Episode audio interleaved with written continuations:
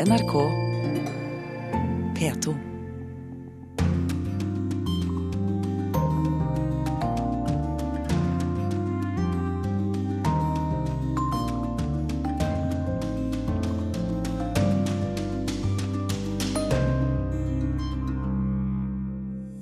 Burundis president er tilbake etter kuppforsøket, men hans folk har rømt. Vi møter dem i nabolandet Rwanda.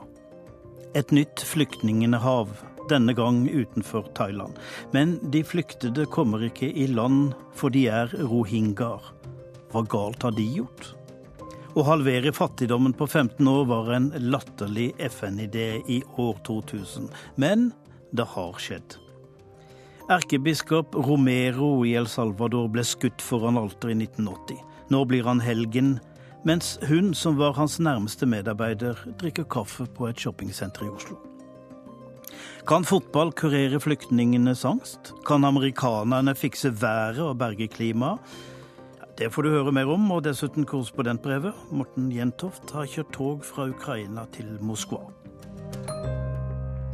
God formiddag, jeg heter Tom Kristiansen, og vi begynner i Burundi, hvor et kuppforsøk ble slått ned.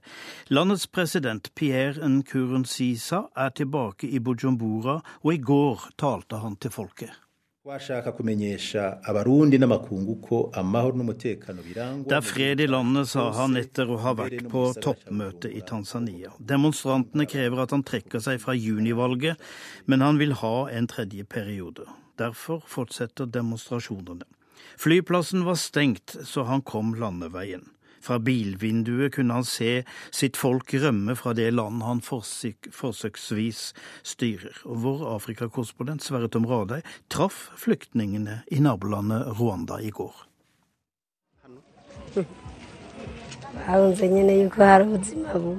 hari intambara Jeg så ting. Jeg så at folk blir drept. Sønnen tar henne til side. Hun er ikke seg selv, sier han. Hun har sett for mye. Blikket hennes vender innover nå. Et sterkt ansikt, kortklipt hår, en gammel kone. Hun er bare 40, sier sønnen, men hun har sett for mye. Bak henne hoster en unge stygt og kaster opp seigt slim. Det lukter stramt fra latrinen som 6000 mennesker bruker. En liten flyktningleir, hvite telt på rad og rekke. Hit flyktet de med det lille de fikk med seg. Noen papirer, en gryte, et teppe. De flyktet for livet fra unge menn med onde hensikter. De kommer om natten. Om dagen er alt rolig. Vi vet de skal ta oss, vi som ikke støtter presidenten, og at han skal få bli sittende så lenge han vil, sier Miburu. Han vil ikke hjem. Hvis det er sant at presidenten er på vei tilbake, det er ikke trygt. Men her er de sikre. De får mat og vann og en plastduk å sove under. Og ikke bare elendighet. Unge menn viser seg fram også her, med snudd caps og smurte hofteledd. Dansen går på en liten platting. En hjelpeorganisasjon kom med et lydanlegg à la danskebåten, og det skaper glede. Skjorta åpnes, en veltrent overkropp, jentene jubler.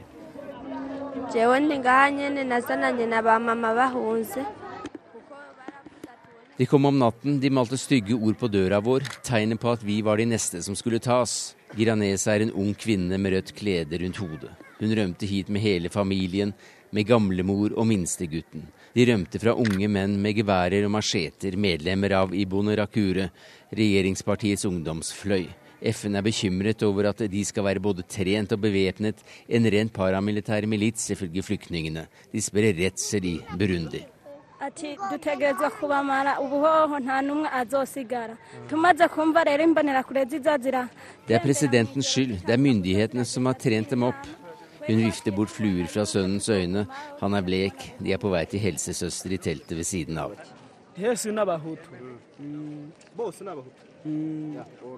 Ungdom fra regjeringspartiet går etter politiske motstandere med macheter, sier Miburu. Dette er politikk og ikke en kamp mellom oss og tutsiene. Her i flyktningleiren Gashore er det både hutuer og tutsier, og twa-pygmeer, de som allerede var i landet da de andre kom i puljer fra 1000 år tilbake. Alle har rømt fra militsen. Noen har rømt før fra dette vakre lille landet med ti millioner mennesker. Sist volden spredte seg, mistet 300 000 livet. Det vet de lite om, de glade ungene i så altfor store klær som leker med en snor gjennom en flaskekork. Snora tvinnes, og korken spinner. Ungene stråler mens mødrene fyrer opp under grytene og mennene ser på.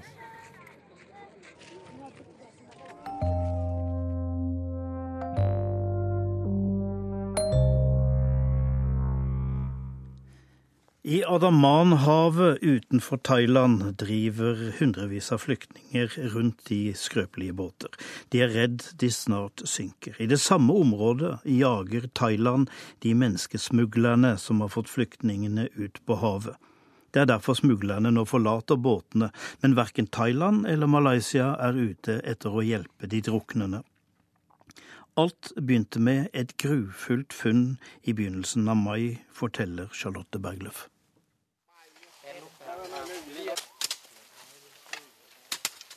Med hakker og spader løftes jord vekk fra en liten rydning dypt inne i jungelen sør i Thailand. Restene av reisverk og noen slitte presenninger rundt vitner om at dette har vært en leir. Nå forlatt, men det de finner når hakkene møter treplater noen meter ned i bakken, viser hva slags leir det er snakk om. En moderne, hemmelig slaveleir. Hit har flyktninger fra Bangladesh og Myanmar blitt ført, over Adamanhavet, etter å ha blitt lokket om bord i båter av menneskesmuglere. Forfulgt og undertrykt i hjemlandene har spesielt den muslimske rohingya-minoriteten lagt ut på denne farefulle ferden på jakt etter en bedre fremtid i muslimske land som Malaysia og Indonesia. Men første stoppested har i en årrekke vært de sørlige provinsene i Thailand, hvor en pågående konflikt med hyppige terrorhandlinger har gjort lyssky virksomhet enkel. Det karrige terrenget med tett jungel har dessuten gjort det lettere å ta seg ulovlig over grensen til Malaysia herfra. Men nå viser det seg at dette for svært mange flyktninger også ble siste stopp på reisen. Noen av dem har fatale skader. Vi samler nå alle bevis til obduksjon. Det er også lik som ikke har sår, forklarer Jaromporn Soramane i politiet. De er ferdige med å grave. Nå ligger hvite likposer på rekke og grad på bakken. Over står rettsmedisinske teknikere krumbøyd ikledd hvite frakker med munnbind, hårnett og plasthansker, og noterer flittig. 26 lik. En massegrav, for andre en gullgruve. Det er 1. mai, i dagene som følger avdekkes nye leire, og antall døde stiger. Det viser seg at tortur, sykdom og sult ledet flyktningene i døden mens menneskesmuglerne presset familiene deres for løsepenger. For felles for alle er at de har vært brikker i et stort, bestialsk handelsnett, holdt mot sin vilje i slaveleire, mens familiene har forsøkt å kjøpe dem fri med de midler de måtte ha. Thailand har i flere år blitt kritisert for å ignorere menneskehandelen. Nå kan ikke myndighetene lenger se en annen vei. De trommer sammen til pressekonferanse og hevder å ha pågrepet en nøkkelmann i nettverket, kjent som Anwar, også han rohingya. Han sitter nå i avhør, forklarer Sumyot Pompanuang i politiet. Som benytter sjansen til å vise frem tre andre menn iført håndjern, arrestert i saken. For nå har de fått kniven på strupen. Statsministeren har varslet at han vil onde til livs på ti dager, og en storstilt aksjon er i gang. Leirene skal avdekkes og bakmennene arresteres. Men mange av dem viser seg å være i deres egne rekker. Politibetjenter, militære, grensevakter og en rekke andre har selv tjent godt på milliongeskjeften. De arresteres i hopetall, og 50 politibetjenter blir forflyttet til andre områder. Offensiven er i gang, og nøkkelpersoner faller som dominobrikker. Menneskesmuglerne får kalde føtter. De har ikke lenger noen trygg havn i Thailand, og forlater båtene til sjøs, fylt med flyktninger som allerede har drevet rundt på havet i ukevis. De må søke seg lenger sørover, ned Malakkastredet, mellom Malaysia og Indonesia. Men også der forsterkes grensekontrollen. Med ett når flyktningene verdens overskrifter. The UN is warning of a humanitarian disaster because of the refusal of Southeast Asian countries to accept the Rohingya migrants. According to UN refugee agency UNHCR, several thousand people are adrift at sea in boats off the coast. Over 25 000 flyktninger skal allerede ha gått om bord i båter så langt i år. Nå er flere tusen av dem fanget til sjøs, uten mulighet for å reise tilbake eller gå i land i sør. The longer that disembarkation is delayed, the longer people are at sea, jo lenger de må bli i båtene til havs, stappet sammen uten mulighet til å bevege seg eller gå på toalettet, og uten tilgang til rent vann, så kommer de til å bli syke. De er allerede underernært, og med ytterligere sykdommer kommer flere av dem til å dø, advarer Jeff Labowitz, Asia-leder i den internasjonale flyktningorganisasjonen.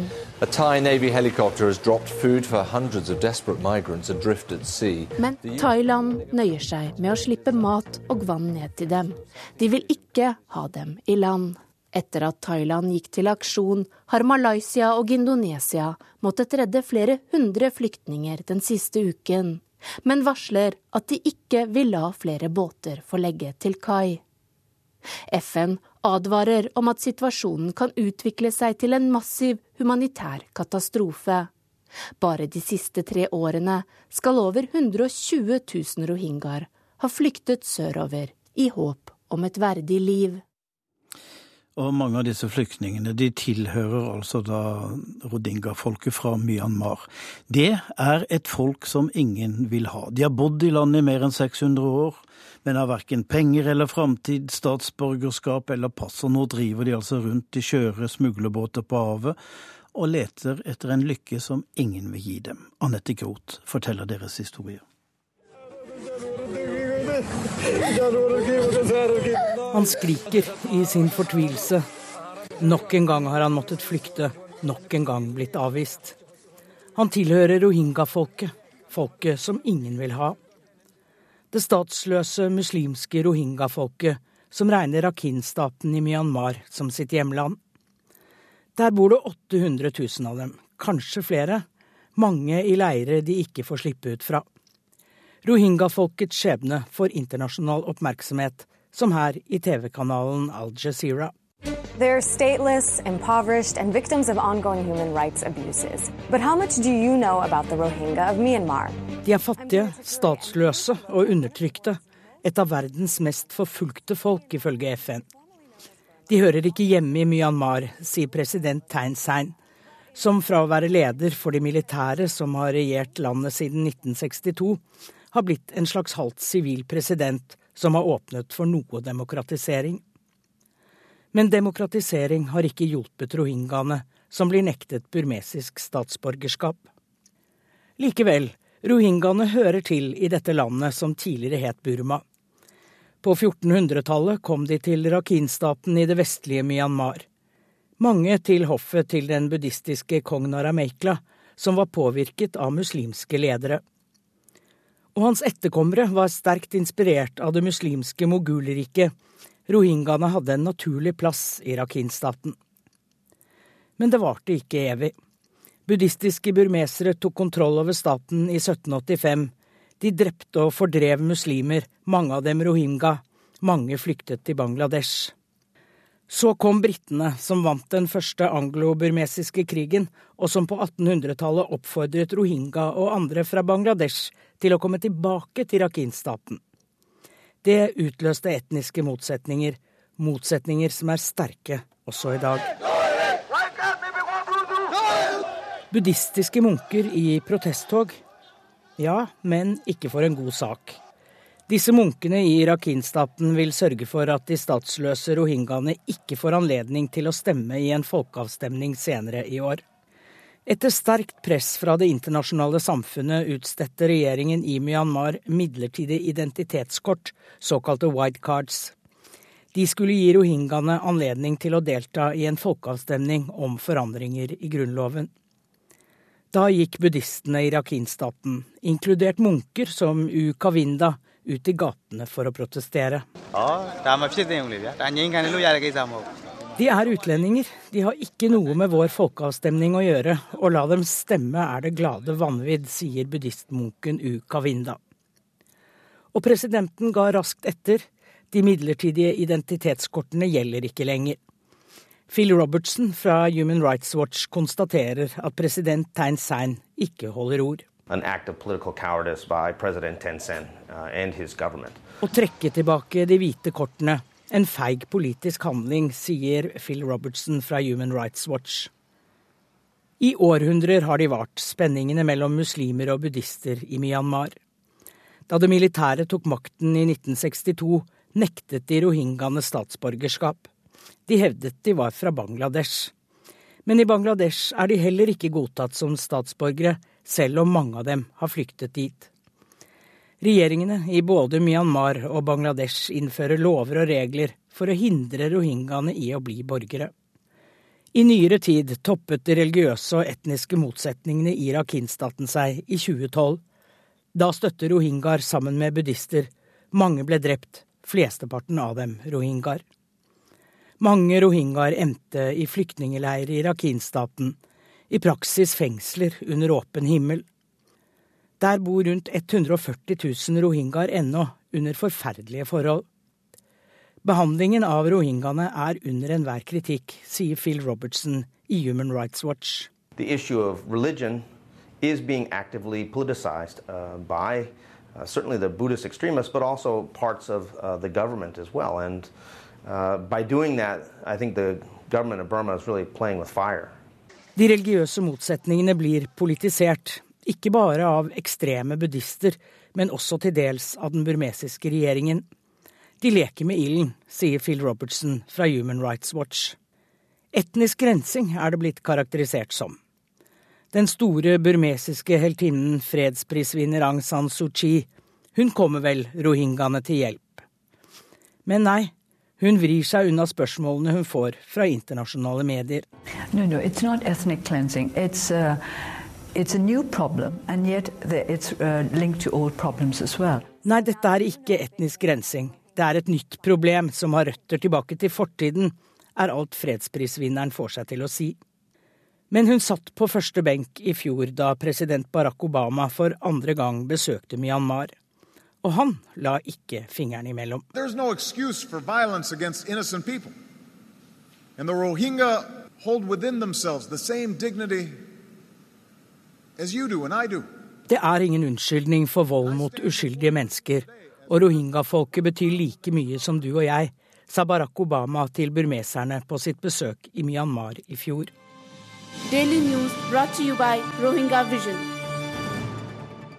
I dag drives den politiske kampen for rohingyaene fra utlandet, som her i en nett-TV-stasjon. Det er de som har klart å flykte og etablere seg andre steder, som har krefter og overskudd til det mens rohingyaene, til tross for internasjonal oppmerksomhet, fortsetter å være folket ingen vil ha. En siste desperat utvei for mange av dem er å legge ut på den farefulle sjøreisen mot andre kyster.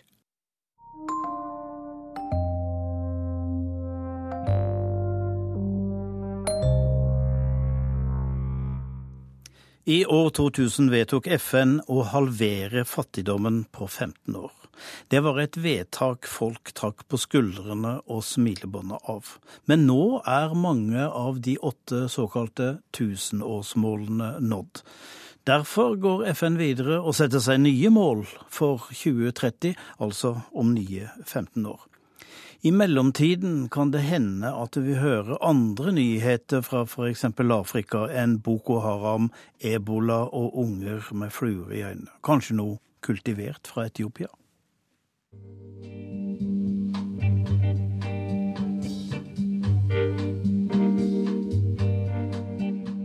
Det var ikke den etiopiske jazzen som skulle sette Etiopia på kartet i nyere tid.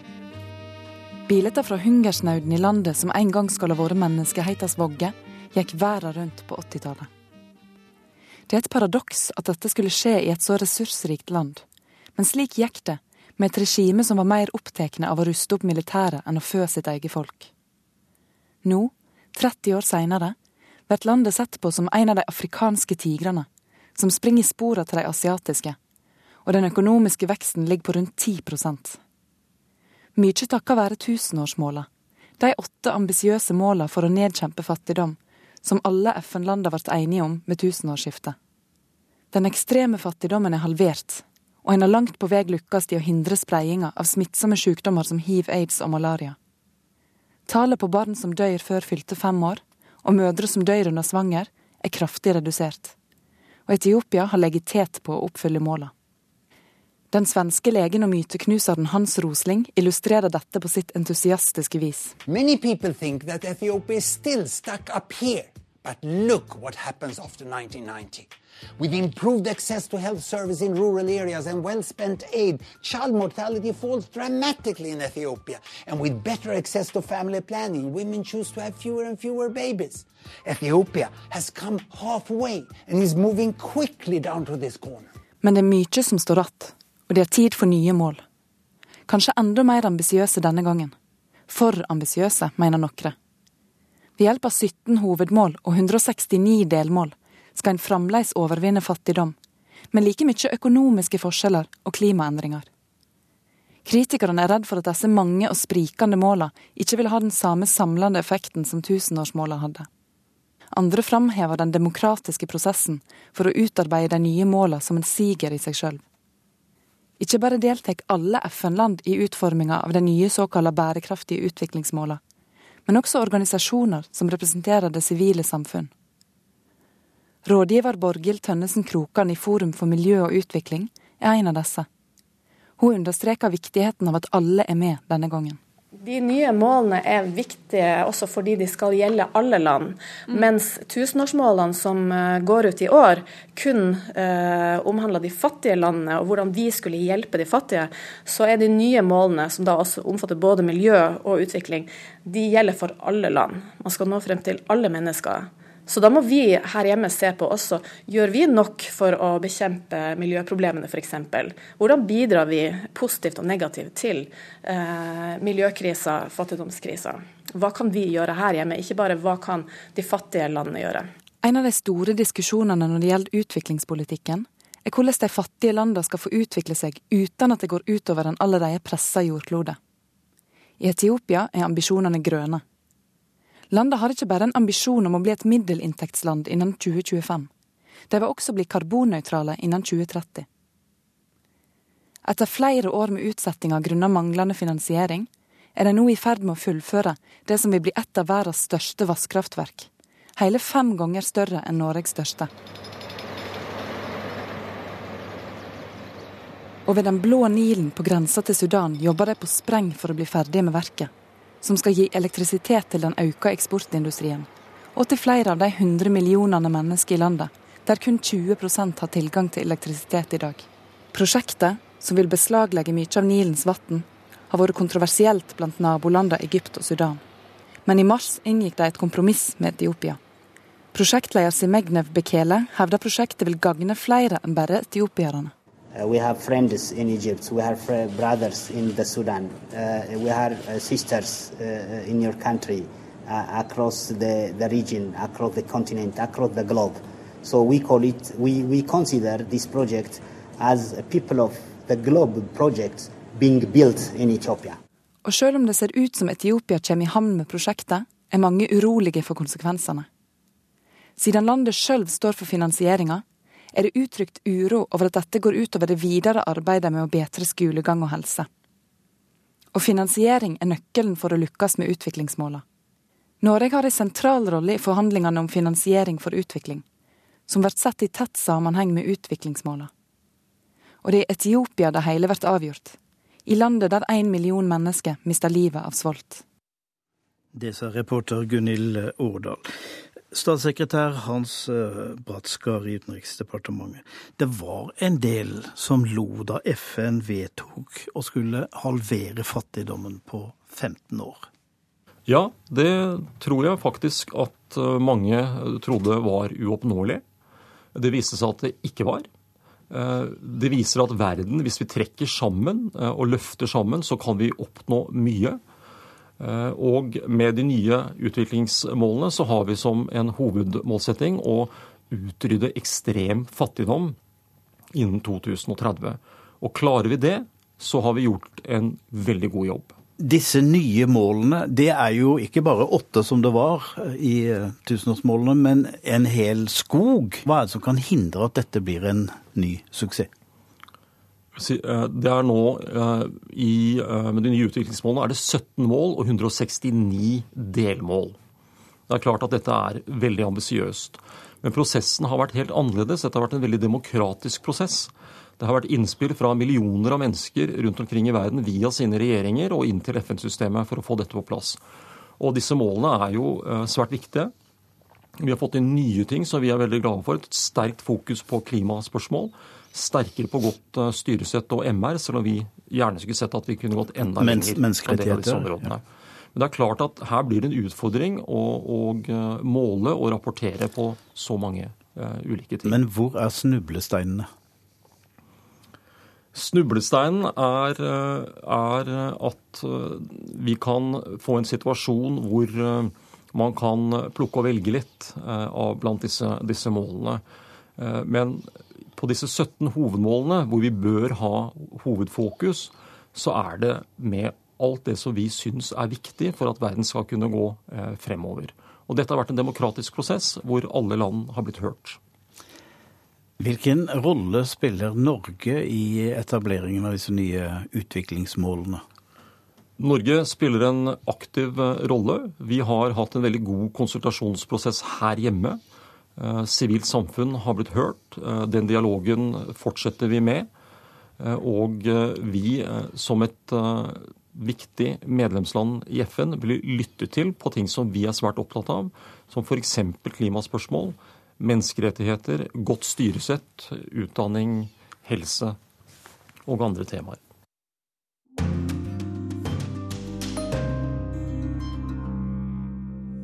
Du lytter til Urix på lørdag. Snart får du høre korrespondentbrevet fra Morten Jentoft på toget fra Ukraina til Moskva. Og om oppfinnsomme amerikanske klimaforskere, fotballspillende syriske flyktninger og erkebiskop Oscar Romero som neste uke saligkåres, for så å bli helgen. Sankt Oscar. Hans nærmeste medarbeider måtte flykte og endte i Norge. Britisk politikk nå, og på ytterste høyre fløy. Det innvandringskritiske anti-EU-partiet UKIP fikk for en drøy uke siden sin høyeste velgeroppslutning noensinne. Men etterpå har det bare gått i ball. Espen Aas fra London.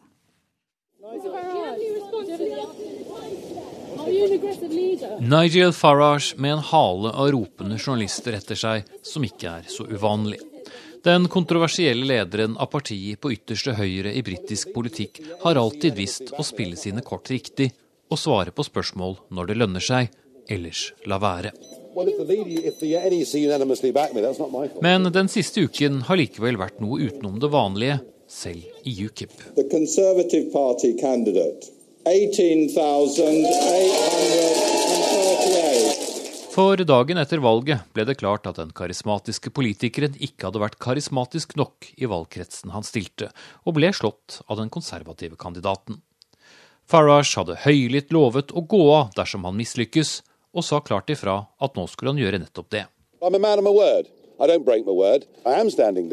Partiet som sådan gjorde egentlig et brakvalg, med nær 13% av stemmene, rundt 4 millioner i tallet. Men det britiske valgsystemet gjorde at de kun fikk valgt inn én representant i parlamentet, mens de siden to suppleringsvalg i fjor høst hadde hatt to. Så nederlaget lå absolutt i luften. Men ryktene om Nigel Farages politiske død var sterkt overdrevet. Tre dager senere sto han nemlig opp igjen fordi partiet hans hadde bedt ham innstendig om det. Um,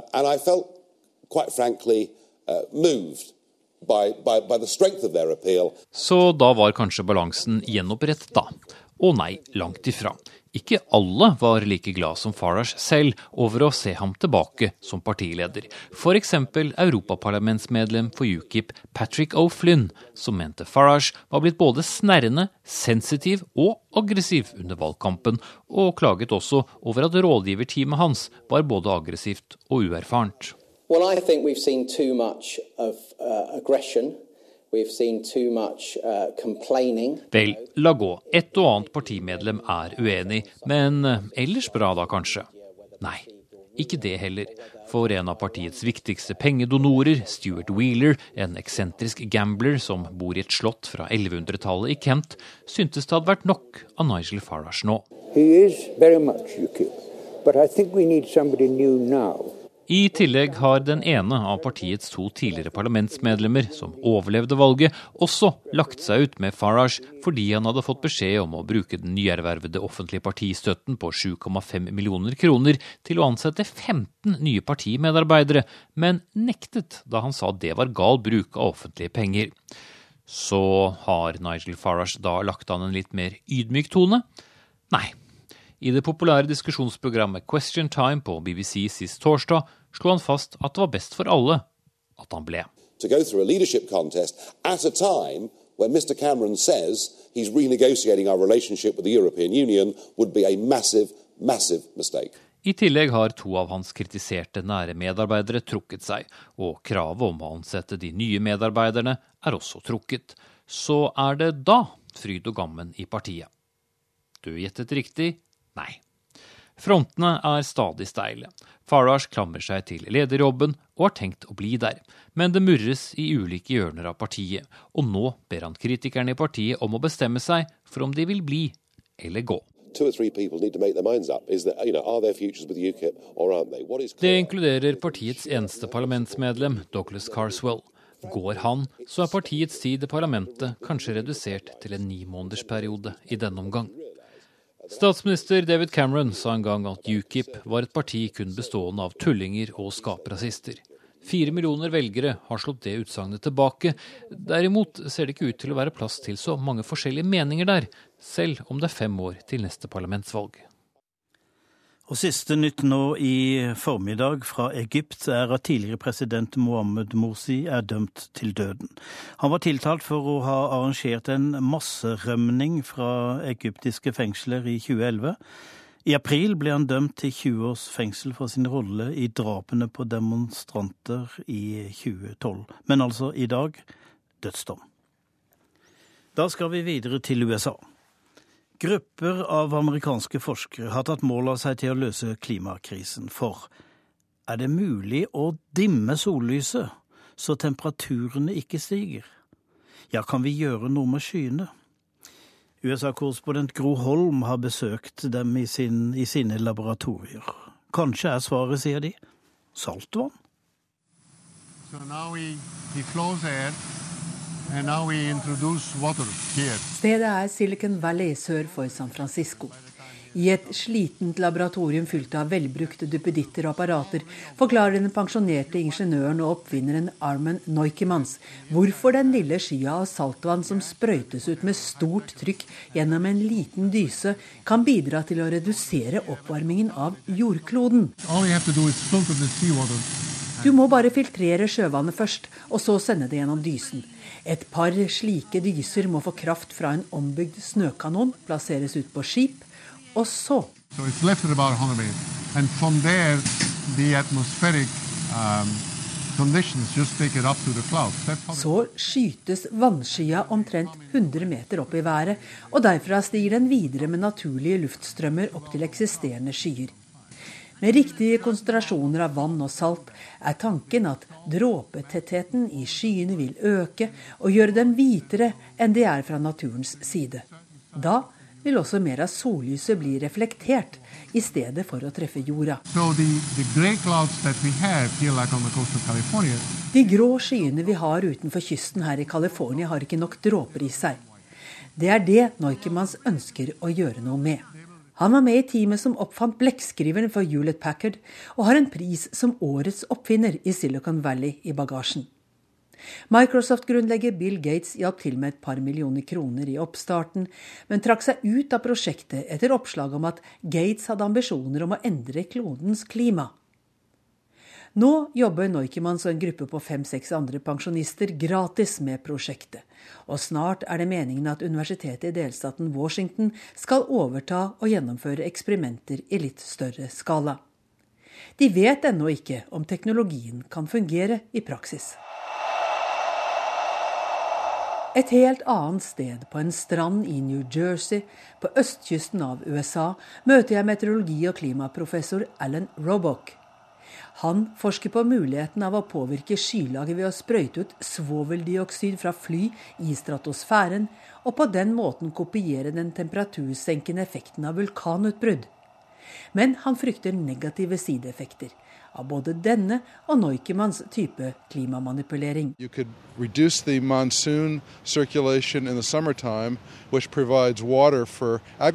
India. Det kan f.eks. komme til å redusere sommermonsunene som forsyner jordbruket i India, Kina og Afrika med vann, og påvirke livene til flere milliarder mennesker.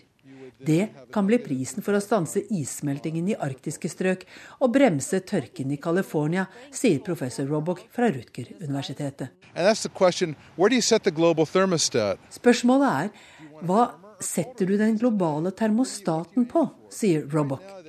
Det finnes allerede øystater som er i ferd med å forsvinne fordi havet stiger, mens Russland ønsker å åpne nye kommersielle skipsruter i Arktis, og kanskje ikke har noe imot at det blir litt varmere. All the scientists working on this understand that the solution to global warming is to stop putting in the greenhouse gases that are causing global warming. That's Alle forskere som jobber med dette er enige om at løsningen på global oppvarming er å stanse utslippene av klimagassene som forårsaker global oppvarming, sier professor Robock. Neukemanns er iallfall helt enig. Geoengineering, eller forskning på mulighetene til å manipulere klima, må ikke bli noen sovepute for olje- og gassindustrien.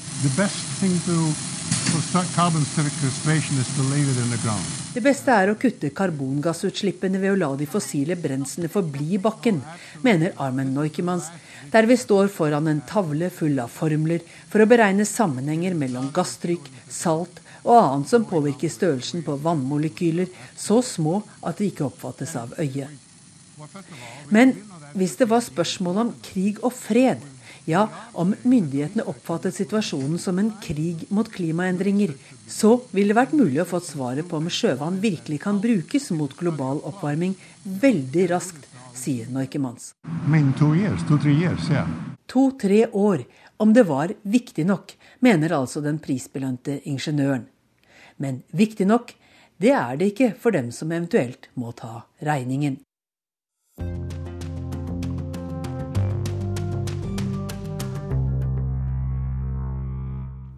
«85 000 syriske flyktninger lever i armod og skitt i flyktningleiren Satari i Jordan. De burde vært til psykologen alle sammen, traumatisert som de er etter alt de har sett. Særlig barna som er blitt bråmodne. Så hva kan man gi dem i stedet? Ei lærkule, forteller Wenche Eriksen. Et lyspunkt i den ellers så trøstesløse flyktningleiren Satari i Jordan, bare halvannen mil fra Syria. En gjeng med entusiastiske jenter sparker fotball. Her er det ingen gressbane, men støvete grus. Men det har ikke noe å si for spillegleden til jentene som har capsen godt plantet opp på hijaben for å skjerme mot ørkensola. 13 år gamle Hiba spilte ikke fotball før, men en dag oppdaget hun tilfeldigvis fotballbanene som ligger i utkanten av flyktningleiren Satari. Etter at jeg hadde sett noen spille, så fikk jeg lyst til å være med selv, og nå er jeg her hver dag. Det ble etter hvert dannet mange lag og en liga. Det er gøy når vi spiller mot hverandre, sier hun. Banen hun spiller på heter forresten Norway Football Field. Det er Fotballforbundet og norske myndigheter som har finansiert den. Gøy er nøkkelordet. Latter og glede som har erstattet redselsskrikene og frykten fra borgerkrigen i hjemlandet. Fotball er terapi, rett og slett. من مواد الحرب واللي بتصير هاي قاعدة بسوريا والتفجيرات والإن والانفجارات والصواريخ والأولاد اللي عم تموت Jeg kan glemme krigen, bombeangrepene, rakettene og barna som er blitt drept i Syria. Det gjør det lettere å leve, sier Hiba, veslevoksent. Men hun må få lov til å være det, hun som har sett og opplevd ting som barn ikke skal se og oppleve. Det har millioner av syriske barn. Over halvparten av de 3,9 millioner syriske flyktninger er barn. Millioner til er internt fordrevne i eget land.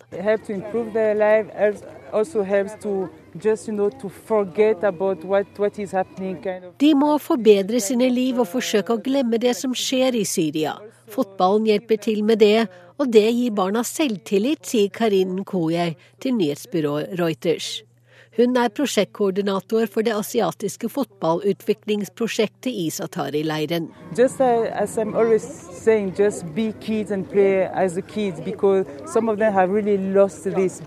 sier alltid til barna at de bare må være barn og spille som barn.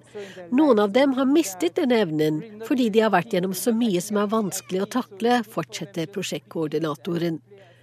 De har godt av bare å være barn og leke akkurat sånn som alle andre barn i verden gjør.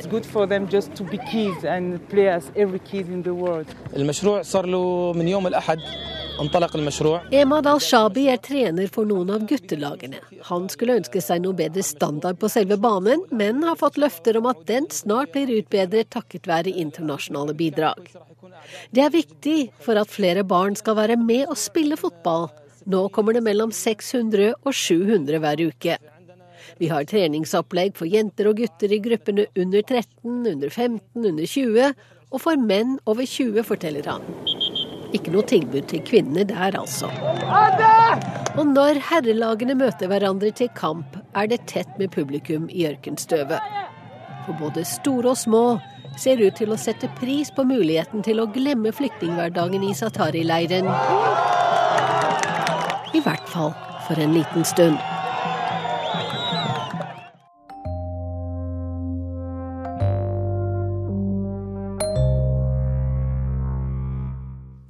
Om en uke kommer Vatikanet til å saliggjøre erkebiskop Oscar Romero fra El Salvador. Han var de svakeste beskytter og ble skutt foran alteret i 1980. Pave Frans erklærte ham som martyr i januar. Neste år blir han helgen. Da skuddene falt, overlevde hans nære medarbeider Laura Hernandez. Det var hun som gjorde ham verdensberømt. Det var Laura som hentet de drepte og fikk registrert drapene som menneskerettsovergrep. Så rømte hun til Norge. Og her har hun jevnlig møtt vår medarbeider Sigrun Slapkar på kafé. Det har tatt henne en mannsalder å kunne snakke om det som skjedde. Ei lita kvinne kommer mot meg det er klassiske maya-indianske trekk som smiler mot meg, men eh, dette er jo ikke El Salvador, hennes heimland. Og Laura kunne nok eh, godt ha tenkt seg en salvadoransk kopp med kaffe. Eh, dette her er en kafé på Storo, og det er her vi har møttes de siste åra. Hola. Hola. Jeg tenkte å se på deg der ute. Hola. Ja, over 30 år har du eh, vært nå i Norge. Ja. Mm. Eh, du kjente Romero godt.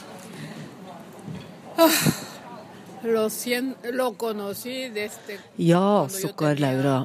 Bare 18 år gammel ble hun kjent med Romero. Laura Hernandez har ei fortid som det er vanskelig å snakke om på norsk. Hun går raskt over til spansk. På 35-årsdagen for drapet på erkebiskop Romero satt vi også her. Men først nå kan hun tenke seg å fortelle om den ufattelige historia hun sto midt oppi i El Salvador. Laura hadde en jobb de færreste kan fatte kostnaden av. Og i starten var hun slett ikke begeistra for Romero. Tristeza y una tristeza común de todos los que estamos en la pastoral, porque sentíamos que él eh, lo habíamos conocido como muy conservador, muy Hun og de fleste andre som arbeider blant de fattige, var i starten skeptiske til konservative Romero. Men så kom forandringa. Y Monseñor Romero dijo al gobierno en massakre på forsvarsløse bønder ble vendepunktet for Romero. Da gikk han ut og stilte regjeringa til ansvar, og alt forandra seg, også for Laura. Nosotros continuamos eh, el trabajo en el día, recogiendo muertos, tomando fotos a los asesinados, oyendo a la gente llorando, buscando sus desaparecidos. Det var Lauras jobb å hente de døde, dokumentere forsvinninger. Men fra da av våga hun ikke å sove hjemme. Det redda livet hennes da huset deres ble jevna med jorda, og mange i landsbyen forsvant for alltid. Romero kom også til landsbyen. Han fikk da den beste maten, men gav den videre til de fattige.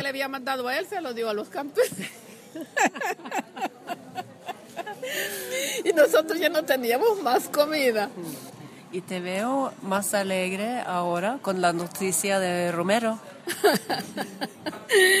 Uy, yo me siento pero superanimada. Ja, hun ler mye mer nå, Laura. Hun kjenner seg oppmuntra av at Romero snart blir helgen. Det har vært vanskelig å både forstå og godta at hun skulle være en av de få overlevende.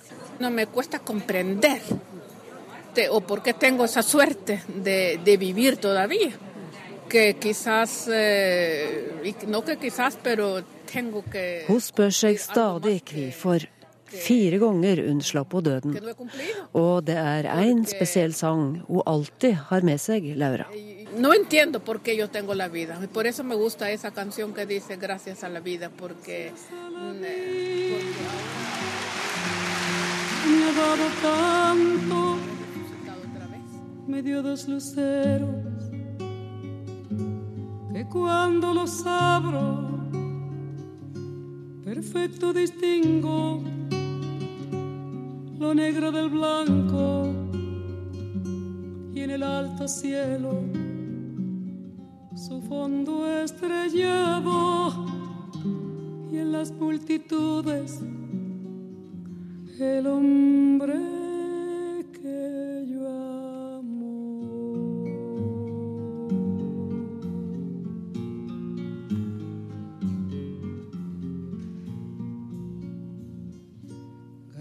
Gracias a la vida que me ha dado tanto, me ha dado el sonido y el abecedario. Con las palabras que pienso y declaro, madre, amigo, hermano, y luz alumbrando la ruta del alma del que estoy amando.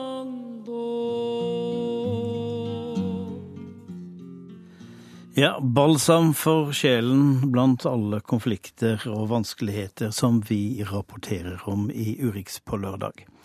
Vi er kommet fram til ukens korrespondentbrev, og det la Morten Jentoft i ei postkasse på jernbanestasjonen i Moskva da han forrige dagen kom hjem fra en lang togreise. Den begynte i Ukraina. Hvordan har folk det inne i Ukraina, så det er mye til fascistene i Pravi sektor? Spørsmålene ble ikke stilt fra seere og lyttere i Norge, men fra to unge menn som kikket inn i kupeen vår på toget fra ukrainske Kharkiv til Moskva. Det lukta FSB, den russiske føderale sikkerhetstjenesten, lang vei, sa min fotograf Juri, som likevel opptrådte vennlig og forsøkte å fortelle de to mennene litt om våre inntrykk etter fem dager på reportasjereise i Ukraina. Selv likte jeg ikke situasjonen noe særlig, men prøvde å opptre normalt og ga de to mennene mitt visittkort med adresse i Moskva. Etter en stund sa de høflig takk for seg, og vi kunne endelig fortsette reisen med nattoget mot Moskva. Etter noen urolige timer i grenselandet mellom de to slaviske nabolandene Ukraina og Russland. Mer om det som skjedde på toget før vi kom inn i Russland, litt seinere i dette korrespondentbrevet. For det er i Ukraina og om forholdet mellom Russland og Ukraina jeg kommer til å oppholde meg i dette korrespondentbrevet denne gangen også. Og denne søndagskvelden på toget ble et godt eksempel på de kontraster og paradokser som vi som prøver å forstå det som skjer i denne konflikten, opplever til daglig. NRKs lille team hadde bestemt seg for å droppe en tur via den ukrainske hovedstaden Kiev, og i stedet ta nattoget direkte fra Kharkiv, Ukrainas nest største by, rett opp til Moskva. Etter noen timer på det som må være en av Europas verste hovedveier, fra Severodonetsk i Donbass til nettopp Kharkiv, var det deilig å få et par fritimer og rusle rundt i denne en og en halv millioners byen, som heter Kharkiv på ukrainsk, Kharkov på russisk.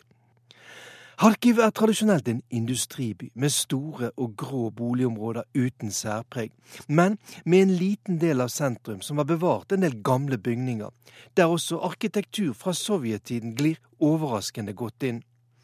Den gigantiske Frihetsplassen ble konstruert i tiden mellom verdenskrigene, da Kharkiv en periode fungerte som Sovjet-Ukrainas hovedstad.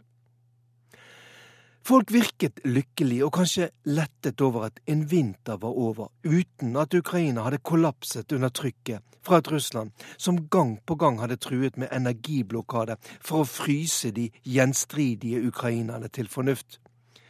Men konflikten og krigen er aldri langt unna.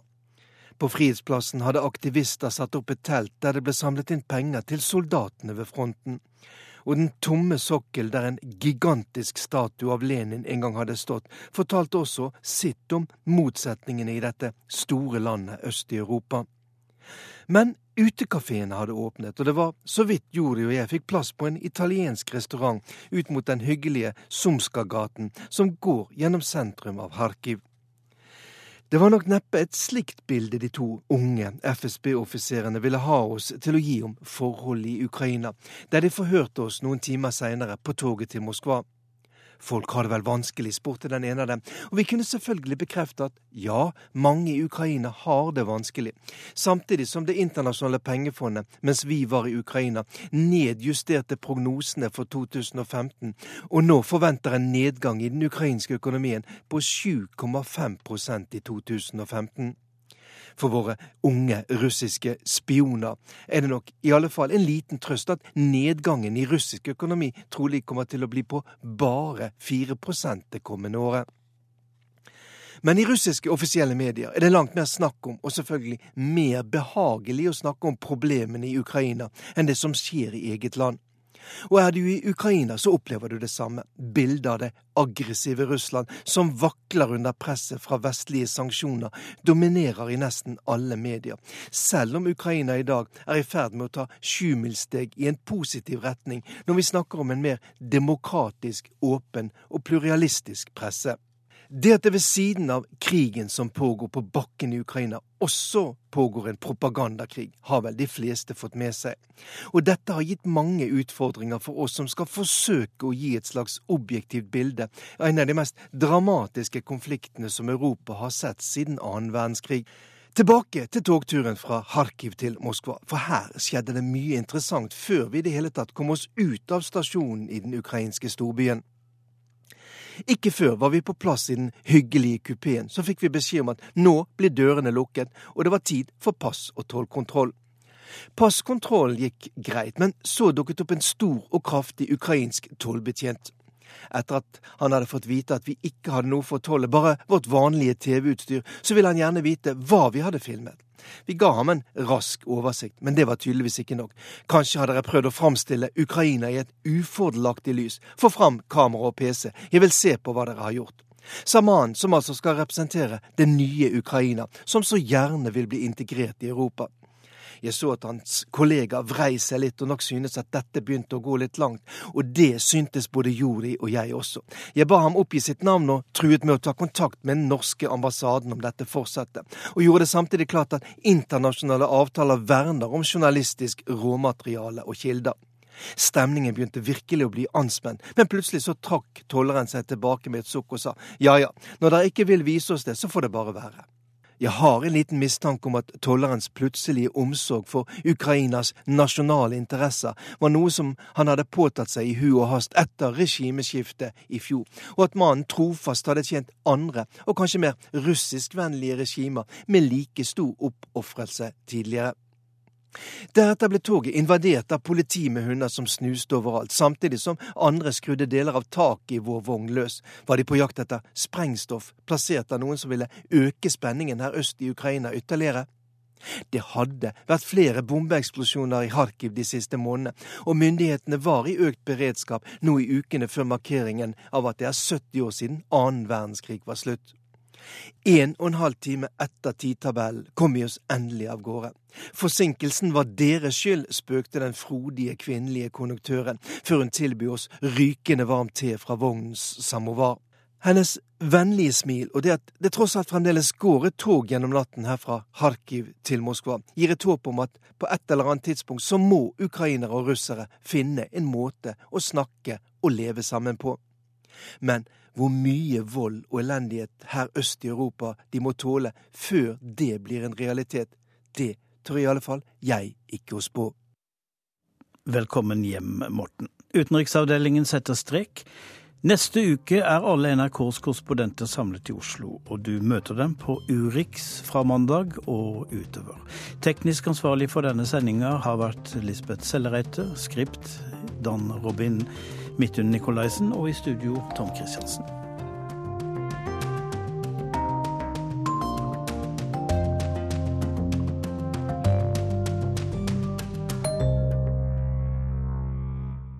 Hør flere podkaster på nrk.no podkast.